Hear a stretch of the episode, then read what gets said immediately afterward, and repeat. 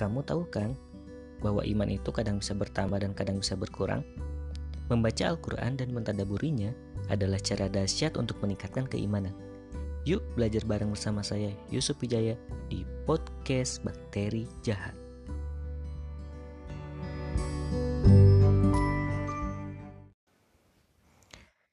Assalamualaikum warahmatullahi wabarakatuh Kembali lagi bersama saya Yusuf Wijaya di podcast Bakteri Jahat episode 22 Segala puji hanya untuk Allah, Rabb semesta alam. Salawat serta salam kita haturkan kepada Nabi kita Muhammad Sallallahu Alaihi Wasallam, kepada keluarga serta seluruh sahabatnya beliau.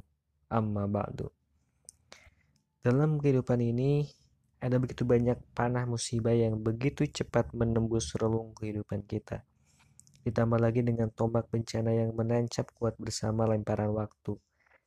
Tapi harus disadari bahwa sesungguhnya kita sekarang sedang hidup pada sebuah negeri kehidupan yang penuh dengan cobaan dan ujian. Negeri yang di dalamnya penuh dengan kepayahan dan kesedihan, serta resah dan kegelisahan. Semua menghampiri kita. Tatkala kita sedang kehilangan orang yang kita cintai, semua datang menusuk hati. Atau ketika kita kehilangan harta benda, Begitu pula manakala kita mendapat perlakuan yang buruk dari orang lain ketika berpisah dengan saudara yang kita sayangi. Demikian pula ketika kita kehilangan anggota keluarga dari salah seorang anak kita. Semua datang silih berganti. Begitu juga dalam perkara-perkara menyedihkan yang lainnya. Musibah yang menimpa seorang hamba tidak lepas dari empat perkara. Yang pertama, kemungkinan musibah itu langsung mengenai dirinya sendiri kedua di dalam hartanya, ketiga pada kehormatannya, keempat pada anggota keluarganya atau orang-orang yang dicintainya. Sedangkan manusia pada umumnya, semua bisa mendapat musibah yang semacam ini, tidak pandang bulu, apakah dia seorang muslim atau kafir. Orang yang baik atau fajir, semua mendapat gilirannya. Sebagaimana bisa kita saksikan di tengah-tengah masyarakat kita. Melihat begitu cepat datangnya masalah tersebut, dari bencana, musibah, kesedihan, dan lain-lain, ditambah lagi ketidaksiapan seseorang untuk menghadapi datangnya musibah yang begitu cepat, maka saya membuat kaidah-kaidah pokok dalam tulisan ini sebagai benteng supaya mampu menghadapi datangnya musibah. Tulisan yang saya susun ini semuanya berkisar pada keadaan umumnya kebanyakan manusia dan setiap keadaan harus disesuaikan dalam cara penanganannya. Seraya memohon mudah-mudahan Allah memberi saya taufik dan bimbingannya.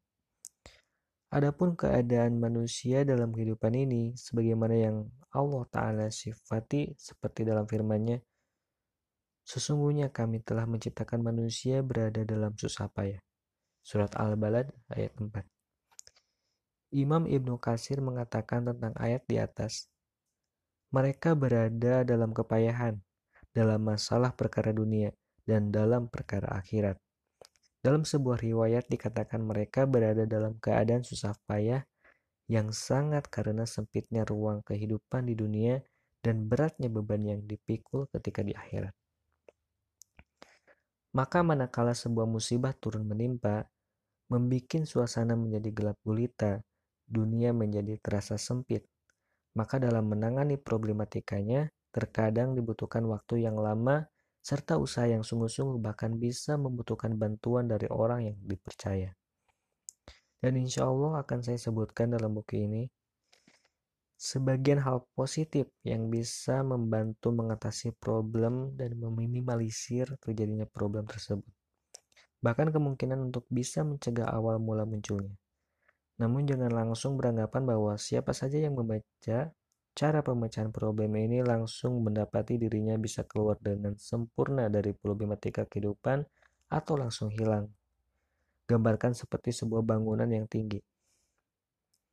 Terkadang bergoyang terkena angin kencang atau jatuh bagian bangunannya. Maka yang perlu dipahami bahwa di sini kita sedang mencoba bersama untuk memperbaiki bangunan tersebut dan mengeluarkan sesuatu yang memang tidak dibutuhkan lagi.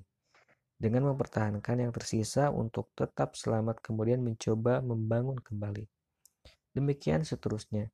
Dan membangun tidak seperti orang yang sedang merobohkan. Oleh karena itu, dibutuhkan usaha yang maksimal dan kesabaran serta semangat yang panjang sampai bisa menyelesaikan problem yang dimilikinya dengan izin Allah Azza wa Jalla.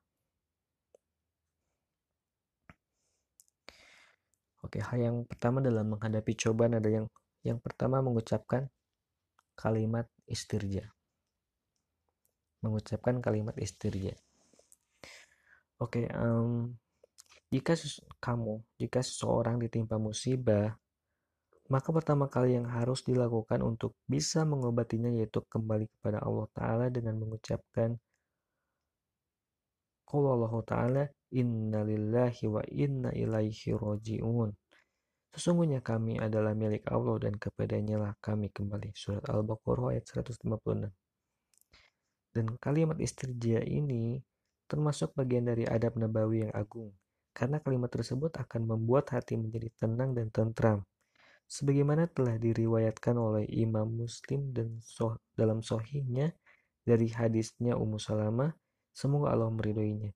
Dia mengatakan, saya mendengar Rasulullah Shallallahu Alaihi Wasallam bersabda, tidaklah seorang Muslim terkena musibah, kemudian mengucapkan kalimat yang telah diperintahkan oleh Allah Taala dalam kitabnya yaitu mengucapkan Inna lillahi wa inna ilaihi roji'un. Ya Allah berilah pahala pada musibah yang menimpaku dan berilah ganti darinya yang lebih baik. Melainkan Allah pasti akan menggantinya yang lebih baik darinya. Hadis riwayat Muslim. Perhatikan bagaimana Ummu Salamah semoga Allah meridhoinya benar-benar melaksanakan wasiat Rasulullah Shallallahu alaihi wasallam tersebut dengan mengucapkan istirja tatkala ditinggal mati oleh suaminya Abu Salamah. Maka kemudian Allah Azza wa Jalla menggantinya dalam musibah tersebut dengan yang lebih baik, dengan mendapatkan kemuliaan diperistri oleh Rasulullah SAW. Namun perlu diingat, terkadang ganti tersebut Allah Ta'ala berikan ketika di dunia, atau diambil nanti ketika di akhirat, atau juga mendapat di kedua negeri tersebut, di dunia dan di akhirat. Kalimat istirja yaitu mengucapkan doa innalillahi wa inna ilaihi rajiun. Artinya, sesungguhnya kami adalah milik Allah dan kepadanya lah kami kembali. Kalimat ini dinamakan kalimat istirja, pernyataan kembali kepada Allah dan disunahkan menyebutkannya waktu ditimpa musibah baik besar maupun kecil. Ya, demikian yang dapat saya sampaikan di podcast Bakteri Jat episode kali ini. Kita akan sambung lagi poin kedua di episode berikutnya. Saya Yusuf Wijaya. Assalamualaikum warahmatullahi wabarakatuh.